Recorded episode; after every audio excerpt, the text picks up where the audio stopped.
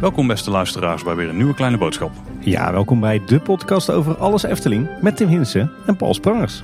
En misschien horen de luisteraars het een beetje op de achtergrond, maar we zijn op een eh, vrij bijzondere plek aangekomen vandaag, Tim. Ja, deze die mag wel op de lijst met bijzondere opnamelocaties. We zitten in het eh, mooie Tilburg. Ik mag dat zeggen, want ik ben hier geboren en getogen.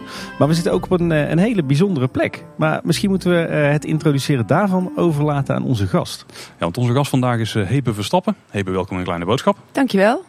Ja, wij zijn hier op een bijzondere plek. Misschien kun je er iets over vertellen en ook even vertellen wat jouw rol hier is. Eh, we zijn in het Textielmuseum. Het Textielmuseum is eh, het museum van Tilburg, mag ik wel zeggen.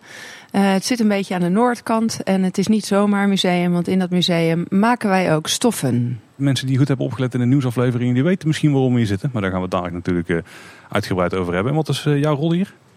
Ik mag hoofd zijn van de plek waar die stoffen worden gemaakt, het Textiellab. Oeh, daar heb ik nu al heel veel vragen over. Maar daar gaan we dadelijk vast aan toe komen. Ja, misschien goed om toch even kort uit te leggen waarom we hier zitten. Want ik denk dat de oplettende luisteraar al weet dat de Efteling dit jaar 70 jaar bestaat. En de Efteling heeft natuurlijk allerlei bijzondere eh, momenten georganiseerd en bijzondere producten uitgebracht rond het 70-jarig jubileum. En een van die eh, producten, of eigenlijk set van producten, was een, een hele mooie samenwerking tussen de Efteling en het Textiellab. En bestond uit het, eh, eigenlijk het, het, ontwerpen en het maken van eh, heel bijzonder tafellinnen of tafeltextiel. Eh, en eh, ja, daarom zitten we vandaag dus in het Textielmuseum. Of beter gezegd in het Textiellab. En Hebe, jij gaat ons daar vandaag alles over vertellen. Maar misschien goed dat je onze luisteraars eerst even kort meeneemt door de geschiedenis van deze plek. Of misschien wel de geschiedenis van Tilburg. Want waarom staat nou dat mooiste museum van Tilburg, zoals jij zelf al zegt, waarom staat dat nou in Tilburg? Ja. Nou ja, Tilburg is echt wel bekend om zijn eh, wollen stoffen. Dus eh, de herenpakken, de stoffen die daarvan werden gemaakt, die werden in Tilburg geweven. En eind jaren 60 zo, eh, er stonden hier heel veel fabrieken. Als je door de stad loopt, fietst of rijdt, dan zie je ook nog wat van die schoorstenen en fabrikantenwoningen. Wij zitten ook in zo'n oude fabriek. En in de jaren 60 kwam concurrentie van die lage loonlanden en stortte die industrie helemaal in. En, uh, maar goed, gelukkig zei de gemeente Tilburg toen de tijd: het is toch belangrijk dat we de collectie, die er toen al was met textieltechniek, dus oude machines, gaan bewaren hier en laten zien. En uh, ja, behouden voor de toekomst. Maar het is meer dan een museum alleen, want het textiel op waar we nu zitten, er worden ook echt nog producten ontwikkeld. Nog ja, steeds. is zo. Er is in de jaren 80, eind 80, is er hier een directeur geweest. En die heeft uh, iets geks gedaan, maar iets heel, heel slims. Die heeft met uh, geld wat eigenlijk bestemd was om een collectiestuk te kopen voor de museumcollectie, heeft zij gezegd: nee, ik koop een machine en daar gaan we collectie op maken. Dus je koopt een machine en je nodigt kunstenaars uit om op die machine tapijten te maken of uh, damast of, uh, of een wandkleed. En dat neem je op in de museumcollectie. Dus eigenlijk doen wij iets heel bijzonders. Wij werken op de collectie en maken daarmee nieuw erfgoed, nieuw werk, wat we kunnen laten zien. En het is begonnen met één machine, maar we hebben net een rondje gedaan over de vloer hier. Maar er staan enorm veel machines. Die maken ook enorm toffe geluiden trouwens. Misschien dat we dadelijk een paar nog kunnen opnemen. Maar wat, kun je een beetje vertellen wat hier allemaal staat en wat jullie allemaal kunnen maken hier? Ja, nou ja, we, komen dus van een tijd dat we echt alleen maar hele oude machines hebben. Dus machines uit 1900, 1950, koord draaien, bandjes weven. Uh, dat noemen we passement. Dat hebben we ook nog hier om te laten zien. Maar waar we de afgelopen 15 jaar ons op hebben gefocust, zijn de computergestuurde machines. Dus dan moet je denken aan de weefmachines. We kunnen hier breien. Dus nou ja, vaak zijn de truien die je aan hebt, zijn gebreid.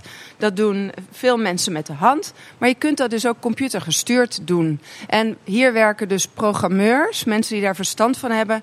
En die weten hoe ze die machines moeten programmeren om breisels te maken, of weefsels, of te borduren, of lasersnijden. Je kunt hier van alles. Natuurlijk heeft de machine niet zelf een idee van wat hij gaat produceren. Dat wordt natuurlijk door mensen ingegeven en dat moet ook ontworpen worden. En als ik hier rondkijk, dan heb ik het gevoel dat we op de plek zijn waar die ontwerpen gemaakt worden. Ja, klopt. We zijn nu op een plek die niet... Kijk, het leuke van het Textielmuseum en Textiellab is dat als je erboven gaat hangen, dat je dan en bezoekers er doorheen ziet lopen, en je ziet ontwerpers, en je ziet programmeurs, en je ziet garen, deskundigen. Dus iedereen komt hier samen. Maar we zijn hier op een plek waar bezoekers niet mogen komen, omdat hier de hogere wiskunde plaatsvindt. Want je moet je voorstellen dat ieder draadje afzonderlijk omhoog of omlaag of naar links of naar rechts moet gaan. En daar moet je wel echt in stilte en in dialoog met een kunstenaar of een ontwerper moet je daar de tijd voor nemen. En wij weten natuurlijk dat de ontwerpers van de Efteling zijn geweest. Mhm. Maar er zijn nog veel meer mensen die hier komen. Mogen jullie vertellen wie hier allemaal zijn geweest om mee te werken? Ja, als ze eenmaal geweest zijn, dan mogen we dat eh, gelukkig vertellen. En eh, dat kun je ook zien. Eh, we hebben daar vaak tentoonstellingen over. We hebben dat ook online in een database. Veel studenten komen hier. Studenten van een design academy of een modeacademie uit Amsterdam. Of, maar ook werk voor bijvoorbeeld een Claudie Jongstra. Voor beeldend kunstenaars die in Nederland, maar ver ook daarbuiten gekend zijn. Dit is een vrij unieke plek. Eh, omdat wij eh, hier de mogelijkheid bieden om echt met die experts iets helemaal op maat te maken. Ja, want ik ben wel benieuwd, wat, is dan eigenlijk een beetje de, de rol van het textiellab? Eh, Zijn jullie een, een ontwerpstudio of juist een productielocatie? Of wat, wat is jullie doelgroep? Hoe, hoe moet ik dat voor me zien? Ja, de naam zegt het eigenlijk al. Wij zijn echt een lab. Dus we zijn een laboratorium. Dus productie, daar proberen we, dat doen we limited. Maar daar proberen we ver weg van te blijven. Want het gaat hier juist heel erg om tijd en aandacht. En in co-creatie iets maken. En alles wat wij maken, eh, daarvan zeggen wij altijd... dat moet minimaal 100, 150 jaar bestaan. Dus wij hebben aandacht op iedere centimeter, werken met de mooiste materialen en hebben ook de beste mensen in het team.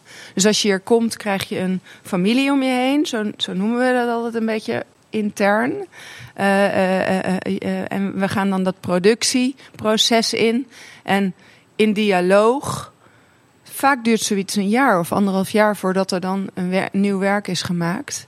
In dialoog, in co-creatie kom je dan uiteindelijk tot iets. En het leuke van het Textielmuseum is ook dat wij het hier op zaal kunnen laten zien. Dus wij zijn nu bijvoorbeeld in een traject met Studio Drift. Dat is een Nederlands eh, gekend ontwerpersduo. En over een jaar zullen wij die resultaten tonen op zaal, zodat het grote publiek het kan, kan zien. Maar in principe iedereen die, eh, die echt wat wil met textiel, die iets bijzonders wil met textiel, die kan hier terecht. Ja, die kan hier terecht en die komt ook hier terecht. Want er zijn in de wereld eigenlijk weinig tot geen plekken die op deze manier kunnen functioneren. Wij kunnen zo werken omdat wij steun krijgen van de overheid. Zowel van de gemeente Tilburg als de provincie als het Rijk. Dus ja, het is eigenlijk heel erg mooi dat, dat we hier in Tilburg nog steeds het erfgoed, textiele erfgoed van de toekomst maken. Ja, dus eigenlijk is het hier een soort van creatieve broedplaats en dan echt op het gebied van textiel. Ja, Net zoals het eigenlijk 100 jaar geleden op een Ja. andere manier ook was. ja, Maar dat is wel heel mooi. ja. Ik, eh, volgens mij, we gaan het natuurlijk zo meteen hebben over jullie werk voor de Efteling. Maar volgens mij zie ik hier en daar ook wel eens eh, eh, textiel voorbij komen op bijzondere locaties. Waar dan in een voetnoot staat: dit is gemaakt in, in Tilburg, in het Textielmuseum in het Textiellab. Heb jij wat voorbeelden waar werken, bijzondere werken van jullie hangen? Ja, heel dichtbij. Eh, eh, onze nieuwe bibliotheek in de Lokhal. Eh, daar is geen gebruik gemaakt voor, van wanden om ruimtes te scheiden. Maar heel innovatief gezegd, nee, we gaan met, met doeken werken. Zodat je heel flexibel bent in je ruimteafscheidingen. Dat is best een heel gekend voorbeeld. Eh, heel pas hebben we nu eh, een project opgeleverd voor Huis ten Bos. Dat is nog niet te zien. Je kunt daar natuurlijk ook niet zomaar eh, naartoe. Maar we krijgen dat wel dit najaar ook op zaal hier getoond vanaf 1 december. Dat zijn gordijnen voor de Chinese zaal, ook bijzonder. Paleis het Loo, wandbespanningen. de Lakenhal in Leiden, de Nationale Bibliotheek in Qatar. Ja, het is van de Parijse catwalk tot aan het Midden-Oosten, tot aan ons eigen Tilburg. Zo. Ja, Een mooie portfolio. Daar, ja. daar mag jij leiding aan geven als, ja, als manager. Ja, ja. En dan toch naar eh, de Efteling toe, want er is een samenwerking ontstaan tussen de Efteling en het Textiellab. Eh, volgens mij was een kostuumatelier daarbij betrokken. Dat is natuurlijk eh, de plek in de Efteling waar Carla de Kroon de scepter zwaait. Die, eh, die kwam met het idee, volgens mij jullie kant op, toch? Ja, nou ja, Carla en, eh, en wij werken al, eh, al best heel lang samen. Je moet je voorstellen dat als je kostuums gaat maken, dat je de keuze hebt uit bestaande stoffen. Maar goed, we zitten, met elkaar om, we zitten bij elkaar om de hoek. En Carla kent dit principe, die kent de mogelijkheden hier. Dus die heeft op een gegeven moment gedacht: ja, eh, Klaas Vaak, hoe leuk zou het zijn als daar kleine maantjes op zijn pyjama of jas zitten. En dat kan dan hier, want Carla tekent met haar team, komt hier en samen vertalen we dan die kleine maantjes in een stof. Dus het is een vrij logische stap voor het kostuumatelier. En we hebben gewoon geluk dat we naast elkaar zitten, dicht naast elkaar zitten. Ja, dus de samenwerking tussen de Efteling en het Textielmuseum en het Textiel die loopt dus al veel langer dan alleen. Loopt veel langer. En wat ik heel bijzonder vind aan deze samenwerking is dat, kijk, de Efteling bestaat 70 jaar. Um, er is een traditie als bedrijven hier in de buurt zeg maar een jubileum hebben. Dat, het, dat een textielbedrijf dan op dat moment een jubileumdamast maakt. En ook schenkt. Uh, dat werd in de jaren 20 gedaan. Uh, dat werd in de jaren 60 gedaan en doen we nu nog steeds. Dus toen ik hoorde van de 70-jarig bestaan. Nou ja, zijn we toen zei ik tegen Carla van ja, wij hebben zulke mooie damasten. Toen bleek ook nog eens dat we damasten van Anton Pieck in de collectie hebben. Nou ja, weet je, 1 en 1 is, is 2. Ja. Je, je moet me wel even helpen hoor, want ik denk dat niet al onze luisteraars zullen weten wat een damast is of een jubileumdamast. Kan je dat eens uitleggen? Ja, zeker. Een damast is eigenlijk een, eh, een manier van weven. Uh, als je het hebt over tafellakens, nou met kerst, uh, veel mensen dekken hun tafel als je je tafel dekt met damast, dan heb je het eigenlijk over een tafellaken waar je op een hele subtiele manier een tekening in ziet. En die tekening ontstaat niet per se door verschillende kleuren, maar die ontstaat door de manier waarop een draad is gebonden. Dus als er dan licht op valt, dan zie je de ene keer, nou ja, als we het dan hebben over tafelgoed van de Efteling, zie je de waterlelies. En als je op een andere manier kijkt, dan zie je daar een draakje oplichten. En dat is zo bijzonder aan, uh, aan, aan Damast. En als je het dan hebt over een jubileum Damast. Nou ja, uh, uh, een bedrijf in de buurt, zoals nu de Efteling viert feest. Een, een, een bedrijf wil een cadeau schenken als herinnering. Een damast haal je altijd uit de kast als het een feestelijke gelegenheid is. Dus op die manier een jubileumdamast. Kijk, ik heb uh, heel wat geleerd. Ja, ja. Voordat we gaan praten over het jubileumdamast van de Efteling, ben ik wel even benieuwd. Wat, wat zijn stoffen die jullie uh, samen met het kostuumatelier voor de Efteling ontwikkeld hebben in het verleden? Ja, nou ja, dan, ik ben niet altijd heel erg tot op ieder project betrokken. Ik weet van Klaas Vaak. Ik weet ook uh, voor de musicals weet ik van een jurk. Ik zie de stof zo nog voor me. Een zilveren glittertje met een roze garen. Maar of dat nou voor een van de prinsesjes is geweest of voor een veetje, dat, dat weet ik eigenlijk niet. Maar Carla is natuurlijk constant aan het innoveren met haar kostuums. Uh, dus een aantal van de kostuums van de musicals, die zijn in ieder geval hier, de stof is hier ontstaan. Kijk, ik denk dat wij hoognodig eens een keer met Carla om tafel uh, moeten Paul. dat, is, ook, we hebben er al een keer gesproken. Ja, ja heel, lang geleden. Heel lang bij uh, Caro, hè? bij de ja, première van Caro. Ja. Nou, hier op tafel ligt de tafellinnen. Uh, eigenlijk alle variaties volgens mij die er zijn uitgebracht. Met als hoofd natuurlijk het tafelkleed. Dat klinkt zo oneerbiedig hè? Is, is dat de manier om het te zeggen? Het is wel gewoon een tafelkleed toch? Ja, je zegt dus een tafellaken. tafellaken. Als je het hebt oh, over sorry, een tafelkleed. Nee, is leuk. Het is leuk om even dit weetje erin te gooien. Een tafelkleed, dan heb je het over zo'n Persisch tapijtje in een Amsterdams café. Oh ja. En een tafellaken, dan heb je dus over damast. Kijk aan. En tafellinnen is dan de collectie van alles wat erbij hoort? Of? Tafellinnen zegt iets over het materiaal waarvan het gemaakt is. Dus linnen is net als katoen een vezel. Kijk, ik heb wel textiele werkvorming gehad op, uh, op de middelbare school, maar er is toch veel weggezakt. Uh. Dan krijg je een Tilburg standaard? Of, uh... Ik denk het. Is dat, heb jij dat niet gehad? gehad nee, nee, wij kregen textiele werkvorm op de middelbare school in Tilburg, ja. Nou, dat zal toch iets Tilburg zijn geweest dan. ja. Ik ben wel benieuwd. Carla die was hier dus al kind aan huis voor allerlei projecten in de Efteling. Maar hoe werd nou dat zaadje geplant voor het, het, hele tafel... Nou, ik weet niet meer hoe ik, het, hoe ik het op de juiste manier moet zeggen. Voor de textiel rond de 70ste verjaardag van de Efteling. Hoe, hoe is dat begonnen? Ja, want uh, voor de, Eft, de Efteling heeft niet alleen een tafellaken en een tafelloper en servetjes ontwikkeld. Het heeft ook nog een serie theedoeken gemaakt. Hoe is dat begonnen? Carla en ik hebben een kick-off georganiseerd, zo noemen we dat dan. En tijdens die kick-off zijn er allerlei mensen rond de tafel bij elkaar gebracht. Dan moet je denken aan een conservator die heel veel weet over de geschiedenis. Dan moet je denken aan een grafisch ontwerper uit het team van Carla. Dan hebben we een programmeur die hier de machines uh, programmeert. We hebben een garendeskundige. Met die mensen zijn we eerst gaan kijken hoe deed Anton Pieck dat nou? Wat heeft hij in de tijd gemaakt? Hoe bouwde hij zijn design op? Nou, dan ontstaat er een gesprek. We hebben hier een enorm werkarchief. Dat komt dan ook op tafel. Nou, je, kunt, je kunt naar links, je kunt naar rechts, je kunt zus, je kunt zo. En dan start eigenlijk zo'n ontwikkeling met elkaar. En die vraag die kwam echt bewust specifiek vanuit de Efteling om zoiets te ontwikkelen. Ja, ja, ja. En toen jullie zitten dan uh, rond de tafel uh, met, met zeg maar het hele ontwerpteam. Waren er al bepaalde ideeën of uitgangspunten? Hoe, hoe is dat proces gelopen, dat creatieve proces? Ja, als je het hebt over de uitgangspunten van het maken van een tafellaken, dan zijn er wel best strikte regels. Hè? Uh, als je je bord neerzet en je hebt altijd een soort van rok over de tafel heen, dan heb je het liefst dat die rok aan de zijkant, dat daar iets interessants te zien is. Dat als je aan tafel zit, dan kijk je nog eens naar beneden en dat is leuk. Uh, het gedeelte waar je bestek en je bord zit, ja, daar heb, dat is vaak bedekt. Vaak heb je een centerpiece in het midden. Daar komt dan nou ja, de grote schaal met uh, het belangrijkste gerecht. En zo is dat de mast uh, van de Efteling ook opgebouwd. Dus als je het uitlegt, dan leest het eigenlijk als een verhaal.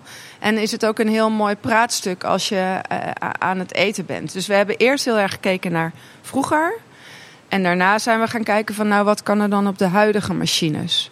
Want volgens mij als we het ontwerp in, zeg maar, globaal moeten beschrijven, dan bestaat uit een soort acht die er in het midden of in het, in het hoofddeel op staat.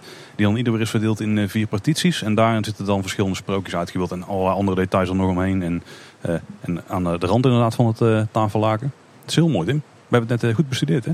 Ja, het ligt, het ligt, hier op tafel. Hè? We zitten tussen, tussen de stoffen en de garen. Hier in het, in het atelier. Het is zo stil, ik kan niet laten horen met de microfoon. Als ik het heb behandeld, zeg maar. nee, je hoort nu de, de machines op de achtergrond, hè? Er wordt, nog, er wordt nog niet geweven. Toen we hier binnenkwamen, toen hing er een heerlijke beat van al die weefmachines in de hal. Maar het is nu uh, redelijk stil. Dat is toch jammer voor de luisteraar, hè? Nou, het is wel goed verstaanbaar. Dat ja.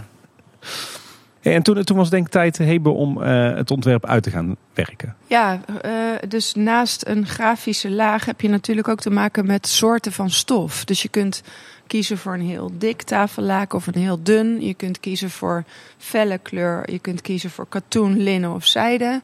Uh, dus er zijn heel veel afslagen die je gedurende dat avontuur nog moet maken met elkaar.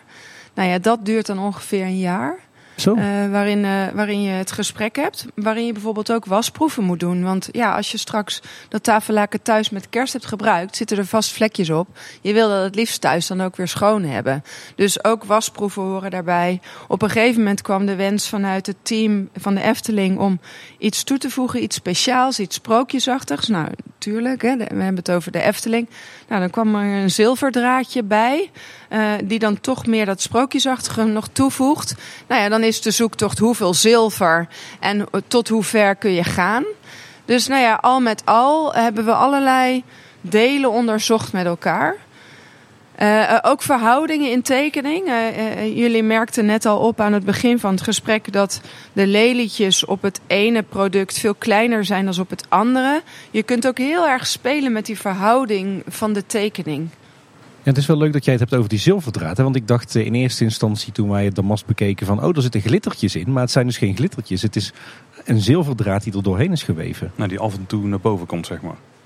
Want ik ben nog wel benieuwd naar die stappen die er worden genomen. Want uh, wat me ook opvalt is dat er een aantal variaties liggen. Misschien is het trouwens een theedoek, dat zou ook kunnen. Waarbij de tekeningen, of ja, de afbeeldingen niet even groot zijn als op het uiteindelijke product. Is het ook om, uh, om snel een voorbeeld te hebben of zo? Ja, nou ja, kijk, ontwerpen gaat eigenlijk altijd over kill your darlings. Dus er zijn in, die, in dat jaar zijn er heel veel mooie ontwerpen langsgekomen. En uiteindelijk heb je maar plek voor vier sprookjes en voor drie producten. Dus uh, daar ligt eigenlijk nog ontwikkelkracht voor, uh, voor, voor de komende jaren. Uh, en inderdaad, samplen is een van de onderdelen van zo'n traject. Dus ja, je wil wel de stof in je handen hebben. Dus je bent constant eigenlijk stukjes stof aan het weven. Maar ja, je wil ook niet verspillen. Dus je, je weeft eigenlijk stro strookjes. Ja, en op die manier zie je daar dus kleine stukjes stof liggen. die uiteindelijk hebben geresulteerd in het laken en de hele productrange. Ja, ja, want er zit wel echt verschil in die samples. Hè? Want er, er ligt ook een, een, een sample dat is uh, ja, meer in groentinten opgebouwd. Dat is veel feller zou je kunnen zeggen dan het uiteindelijke product. Wat het veel meer in die, uh, de verschillende grijstinten zoekt. Hoe is die, die speurtocht naar de juiste kleuren uh, verlopen? Ja, het heeft ook heel erg te maken met de merkbranding van het Efteling natuurlijk. Hè? Dus daar, zit, daar zitten vast en zeker allerlei besluiten en ideeën achter. waarom dat groen, dat blauw en en dat oranje uiteindelijk uh, bij de definitieve selectie zijn gebleven, weet ik niet precies. Maar ik weet dat er 12, 15 kleuren getest zijn. Wat wel leuk is om je te realiseren is dat theedoeken, die mogen wat feller zijn, wat gekker. Wat, hè, dat is ook een kleine oppervlakte in je keuken. Dat hang je aan een haakje. Dat, maar een tafellaken, je wil geen groen, blauw of oranje tafellaken op je, op je tafel. Ik bedoel, als je daar dan nog borden en, en, en alles op zet, dan, dan wordt het veel te hysterisch. Wat één kermis, wel ook Tilburgs trouwens.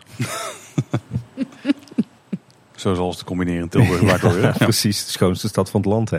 Hey, en ik denk dat dan uh, jullie expertise met name ook komt kijken op het gebied van welke stoffen, welke garens ga ik nou gebruiken, welke technieken ga ik nou gebruiken. Hoe, hoe moet ik me dat voor me zien, zo'n uh, zo'n engineeringsproces eigenlijk? Ja, uh, nou ja, in, in het team van het lab werken verschillende specialisten. We werken ongeveer 25 mensen hier. Dat zijn mensen die, het is best wel heel groot. Um, er zijn mensen die hebben van hun grootouders leren weven. Dus dat zijn echte wevers. De, de, ik heb hier twee mensen die, die zijn echt fulltime bezig met gares. Maar die gaan dus ook op reis. Uh, uh, dus die kopen gares in. In Italië, in Frankrijk en ik weet niet waar. Uh, en, en als zo'n vraag binnenkomt van de Efteling en ze zoeken dus een zilverdraad die te wassen is, dan gaat zo'n expert met die vraag op pad. En die komt terug met een aantal keuzemogelijkheden. Nou, dan hebben we nog de mensen die uh, echt constant zeg maar, dat programmeren kennen en de nieuwste software kennen. Ook die gaan op training. En dus het is een combinatie van verschillende invalshoeken. Dan heb je ook nog hier het assemblageatelier. Dus eigenlijk een soortzelfde atelier als wat de Efteling heeft. Waar stoffen worden verwerkt tot kostuums, uh, gordijnen, een wandkleed, een tafellaken. Dus ook daar worden testen gedaan. Uh, is, dat, is die stof te verwerken? Wat is de mooiste zoom? Dus ja, op die manier komen die expertises samen. En dan is het wel bijzonder dat de Efteling en het team van Carla de Kroon uh, en Jasper Douwenburg uh, als grafisch ontwerper, die geven eigenlijk de hele tijd de voorzetjes of die sturen. Dus uh, ja, dat is ook heel erg waar ik en waar we als team in geloven. Wij zeggen eigenlijk nooit nee. We proberen heel open houding te hebben. En door die open houding um, laat je je ook heel makkelijk sturen. En we hebben ook de expertise in huis. De Efteling heeft eigenlijk, dat is vrij uitzonderlijk denk ik voor pret- en themaparken in de wereld. De Efteling heeft natuurlijk zelf ook aardig wat expertise op het gebied van textiel dankzij dat kostuumatelier. Mm -hmm. Helpt jullie dat of is dat eerder een belemmering? dat, dat helpt ons. Maar zo helpt iedere project helpt ons weer verder. Wat we hier hebben geleerd is um, de, de, commerciële kant zeg maar, van zo'n serie die hier ontwikkeld is. Dat doen wij niet vaak. Um, dus je leert hoe keuzes worden gemaakt. Je leert dat wasproeven misschien soms belangrijker zijn dan het ontwerp. En dat je dan moet zeggen: nee, oké, okay, die stof wast beter. Ook al is die andere mooier. Dan is dat een verkoopbaarder product. En ja, zo leer je eigenlijk van ieder avontuur wat hier uh, plaatsvindt. En uiteindelijk, voor welk materiaal is nou uiteindelijk gekozen en welke techniek? Uh, uiteindelijk is er gekozen voor een jacquard techniek. Uh, vrij technisch verhaal, maar dat betekent dat je iedere draad afzonderlijk heen en weer kunt uh, manoeuvreren, waardoor je op, op 1 centimeter 36 pixels hebt waarmee je kunt tekenen. Um, daarnaast is er gewerkt met biologisch katoen. Duurzaamheid is natuurlijk iets wat bij ons heel, heel erg hoog op de agenda staat. En het is ook nog eens goed te wassen. Ja, en dan is het tafellaken ook van een katoen gemaakt. Maar daar is dan toch gekozen voor een, uh, ja, een, een, een glitterspray effect. door, een, door er een polyesterdraad aan toe te voegen die wel wasbaar is. En dat is dan die zilverdraad, ja. zeg maar. Ja. En biologisch katoen, kun je heel kort uitleggen wat dan het verschil is tussen traditioneel en biologisch Goh, katoen? Nou, dat zou je eigenlijk dan weer beter kunnen vragen aan onze garen-expert. Maar uh, wat ik ervan weet is dat uh, er zitten certificeringen op die garens. Biologisch katoen betekent biologisch geteeld. Uh, uh, maar meer kan ik daar niet over zeggen. Dan zouden we eigenlijk een, een materiaalexpert erbij moeten halen. Daar gaan we misschien ook wel heel diep de materie in voor uh, een podcast over de Efteling. Letterlijk in dit geval. Ja. Was voor jullie uh, een succesvol project? Ja, is een droomproject. Ik bedoel, wij zijn uh, een Brabants bedrijf. een Brabants museum. En uh, meestal werk ik voor mensen die zo ver van Tilburg en van Brabant af zijn. En ik kan altijd wel vertellen van, oh in Qatar of oh in Parijs. Maar ja, dit is gewoon samen met een partner in Brabantse. Die ook heel erg staat voor die geschiedenis, voor aandacht voor de attracties, voor het product, voor de mensen. Dus ja, wij zijn enorm trots en blij dat we eindelijk eens met een Brabantse partner zo'n traject hebben kunnen doen. Het was een limited edition uitgave uiteindelijk, maar de oplage was wel 250 stuks volgens mij van een tafellaken. Uh, is dat dan een grote oplage voor jullie? Ja, heel groot. We hebben die gelukkig in delen mogen leveren. Het leuke is dat um, die productie is direct ook demonstratie. Dus je merkt ook gewoon dat mensen als ze hier op bezoek komen en ze lopen door het lab als museumbezoeker en ze zien zo'n Efteling doek geproduceerd worden, ja, daar word je blij van. Uh, dus wij zijn blij met zo'n productie en wij zien dat als demonstratie. Ja, ja want even voor de, voor de luisteraars. De, dit is geen echte productielocatie. Uh, dit is vooral een ontwikkellocatie. Uh, maar alle tafellinnen van de Efteling is dus wel hier geproduceerd. Ja, ja. Hoe lang hebben jullie erover gedaan? Ja, we zijn, we, we zijn al een jaar bezig. en ik weet niet of er nog een nieuwe vraag komt van de Efteling. Uh, maar als die komt, dan moeten wij weer om de tafel. En dan gaan we echt per kwartaal kijken hoeveel we per kwartaal kunnen uitleveren. Want voor ons blijft het wel demonstratie. Want was het een bewuste keuze van jullie of van de Efteling om het ook echt hier in Tilburg te laten produceren? Want je had het in principe ook eh, elders op de wereld kunnen laten maken in grote aantallen. En het is een bewuste keuze omdat je twee Brabantse partners bent. Maar wij maken ook wel echt de mooiste theedoeken. Dus um, uh, ja, eh, ik weet niet of er luisteraars zijn die zo'n theedoek zelf in handen hebben. Maar vergelijk zo'n theedoek met de theedoek van de HEMA. Dan ben je echt blijer met de theedoek van de Efteling die hier is gemaakt. Je moet maar ik even voelen, Paul. Je hebt hem vast, maar je moet even de stof voeden dan, hè? Ik zal maar jou ook even doen. Ja, dat is inderdaad wel een andere kwaliteitje dan uh, wat je bij de HEMA in schap hebt liggen. Dat sowieso. Ja. Nou, wat ik zelf heel tof vind om te zien is, we hebben hier dus een aantal van die uh, tussensamples, ook van die tussenstappen uh, liggen hoe weinig uh, verschil er eigenlijk soms tussen zit. Hoe subtiel die wijzigingen kunnen zijn. Zegt één ja, tintje anders of zo en dat is dan afgekeurd. En dan uh, vergeleken met uiteindelijk, ja, ik snap wel waarom ze die kant op zijn gegaan. Want dat is echt een schitterend tafellaak. Zeg, hey, jij, jij vertelt inderdaad, dit was uh, zowel voor de Efteling als voor jullie een, uh, een groot succes. Volgens mij uh, is het ook een verkoopsucces. Want ik zag afgelopen week in Efteldingen nog een paar exemplaren liggen. Maar volgens mij is dat echt het laatste wat nog over is wat je, wat je in Efteling kunt kopen. Het meeste is natuurlijk op basis van voorinschrijving verkocht. Maar betekent dit dat er meer samenwerkingen in zitten in de toekomst tussen de Efteling en het Textiellab? Ja, daar ben ik zeker van. Ja, ik denk dat de weg naar elkaar gevonden is, was al gevonden. En uh, ja, je moet gebruik maken van elkaars kracht. Je bent zo dicht in de buurt. En ik heb geleerd bij een jubileum moet je een uh, jubileumdamast uitgeven, Tim. Dus ja, over tien jaar is het dus weer. Misschien Precies. over vijf jaar alweer. Vijf jaar, ja. 75 jaar. Ja, dat is wel heel mooi. Ja. En de ideeën staan hier, uh, ontstaan hier aan tafel. Ik denk dat die op andere plekken wel ontstaan. Ja, ja. gok, gok ik zo. Heb jij, nog, heb jij zo nog wensen, uh, Hebe, dat je zegt van nou, ik, ik zou dit ooit wel eens samen met de Efteling willen, willen ontwerpen of produceren? Die kostuums in die musicals, dat, dat, is, dat geeft zoveel vrijheid. Uh, nou, dat smaakt naar meer. Ik bedoel, maar goed. Uh... Het initiatief daarvan ligt natuurlijk bij de Efteling. Ja, ja. ja. Nou, het blokje wat we altijd aan het einde van de aflevering doen is een blokje uitsmijters. En uh, die gaan over jouw, jouw eigen relatie met de Efteling. Heb je iets met de Efteling en kom je er wel eens? Ja, ik heb wel fijne herinneringen aan de Efteling. Ja, en vooral aan het Sprookjesbos. En dan kunnen we elkaar een hand schudden. Ja. Ook een favoriet plekje in het park? Het Sprookjesbos dan Ja, het Sprookjesbos. En dan weet ik dat ik als kind, maar ook mijn eigen kinderen, altijd uh, uren konden kijken naar de dansende schoentjes. Ik weet niet of die er nog zijn. Ja, zeker. zeker. Ja, dat is een van de meest magische plekjes in de Efteling, wat mij betreft. En heb je zo ook nog een favoriete attractie in de Efteling, buiten het Sprookjesbos om? Villa Volta. Oeh, Tim. Ik hoor goede dingen hier. Ja, zeker. Maar dat komt ook omdat Villa Volta is een en al creatieve explosie, weet je. Dat is zo goed bedacht. En die, die, die, die, die art direction en die, die, die inrichting, die is zo goed. Ja, dat, dat is gewoon smullen. En er ligt, ligt ook het tapijtje, hè? ja, er liggen meerdere pers in de hoofdshow, ja. Let je even op, Paul, want dit is dus waarom dat hij bij mij ook in de top 3 staat. En nu hoor je het van Oh, iemand die echt, eh, die echt eh, ergens verstand van heeft.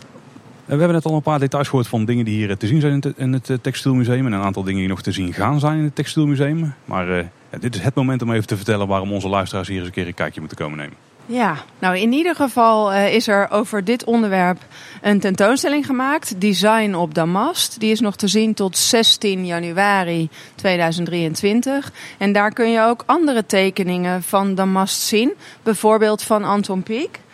Uh, dat zei ik net al even in het begin. Uh, Anton Pieck heeft uh, ter gelegenheid van de 25e verjaardag van prinses Juliana ook een jubileumdamast getekend. het komt uit 1934 en die tekeningen, die originele tekeningen, kun je daar zien. En daarnaast kun je ook de tekeningen van Carla, haar team, kun je daar ook zien. En het damast zelf, dat ligt hier op zaal. Zo. Dus dat is leuk. En, en een ander heel bijzonder eh, project ook eh, ontstaan in, en gemaakt in Textielab zijn de gordijnen die we voor Huis ten Bos hebben mogen maken. En dat is vanaf 1 december dit jaar te zien. En dat, dat, daar vertellen we het verhaal van de gordijnen voor het paleis, gemaakt met 150 Nederlanders. Zowel machinaal geborduurd als handwerk. Kijk, dus hangt hier en werk van Piek en voor het Koninklijk Huis. En dan nog tot en met 16 januari dus het tafellinnen zelf. Dus als je dat wil gaan zien en je hebt het zelf niet kunnen kopen. Nou, dit is de, de, de plek waar je het uitgestald kunt zien en het verhaal erachter mee krijgt. Ja, ja, meer dan genoeg reden denk ik voor onze luisteraars om ook eens langs te gaan bij het Textielmuseum. Even los van die, die objecten die jij net hebt uh, verteld. Wat is er verder nog te zien en, en te beleven in het Textielmuseum? Wat moeten onze luisteraars daarbij voorstellen? Het is altijd leuk om naar het museum te gaan, want dat lab is al, draait altijd. Hè? Dus... Uh, ik wil niet zeggen 24-7, maar je kunt altijd in de werkplaats uh, zien hoe uh, mooie nieuwe stukken gemaakt worden. Dan hebben we een tentoonstelling Makersgeheimen. Dat gaat heel erg over die geheimen waar we het vanmiddag over hebben gehad. Dus hoe ontstaat nou zo'n ontwerp? Uh, en, en de geheimen van zo'n maker en van zo'n wever en zo'n programmeur. Dan hebben we natuurlijk de winkel. We hebben een hele leuke horeca waar je een lekkere kop koffie kunt drinken. En de omgeving hier is heel, dat ademt uh, de geschiedenis van Tilburg en textiel. Dus ja, genoeg reden om naar uh, Tilburg af te komen. En ik denk dat onze luisteraars een bovengemiddelde interesse hebben in hoe zaken worden gemaakt. Ja, dan kom je wel aan je trekken, want hier wordt echt alles uitgelegd. En je kunt het gewoon letterlijk zien. En het ruikt hier heerlijk naar olie. Ja, ja dat ook nog eens. Ja, ja. Als mensen meer willen weten over het textielmuseum, dan kunnen ze naar textielmuseum.nl. Het textiel op zelf heeft ook een website, textiellab.nl. Ja, klopt. En we zullen ook een paar linkjes plaatsen in de show notes over de specifieke artikelen die eh, we hier hebben besproken vandaag. Ja, Hebe, dan rest ons eigenlijk niks anders dan jou eh, ontzettend eh, te bedanken voor jouw gastvrijheid en voor dit interessante verhaal. Want we hebben denk ik ontzettend veel geleerd over textiel in algemene zin. Hè Paul? Absoluut. Het was me genoegen, dank jullie wel. Dat was weer voor deze aflevering, beste luisteraars. Heb je nou een vraag voor ons of wil je iets anders kwijt? Dat kan op verschillende manieren. Als je naar kleineboodschap.com slash volgen gaat, dan vind je al de social media kanalen waar wij te vinden zijn. En je kunt op de website ook nog het contactformuliertje vinden of een mailtje sturen naar info.kleineboodschap.com.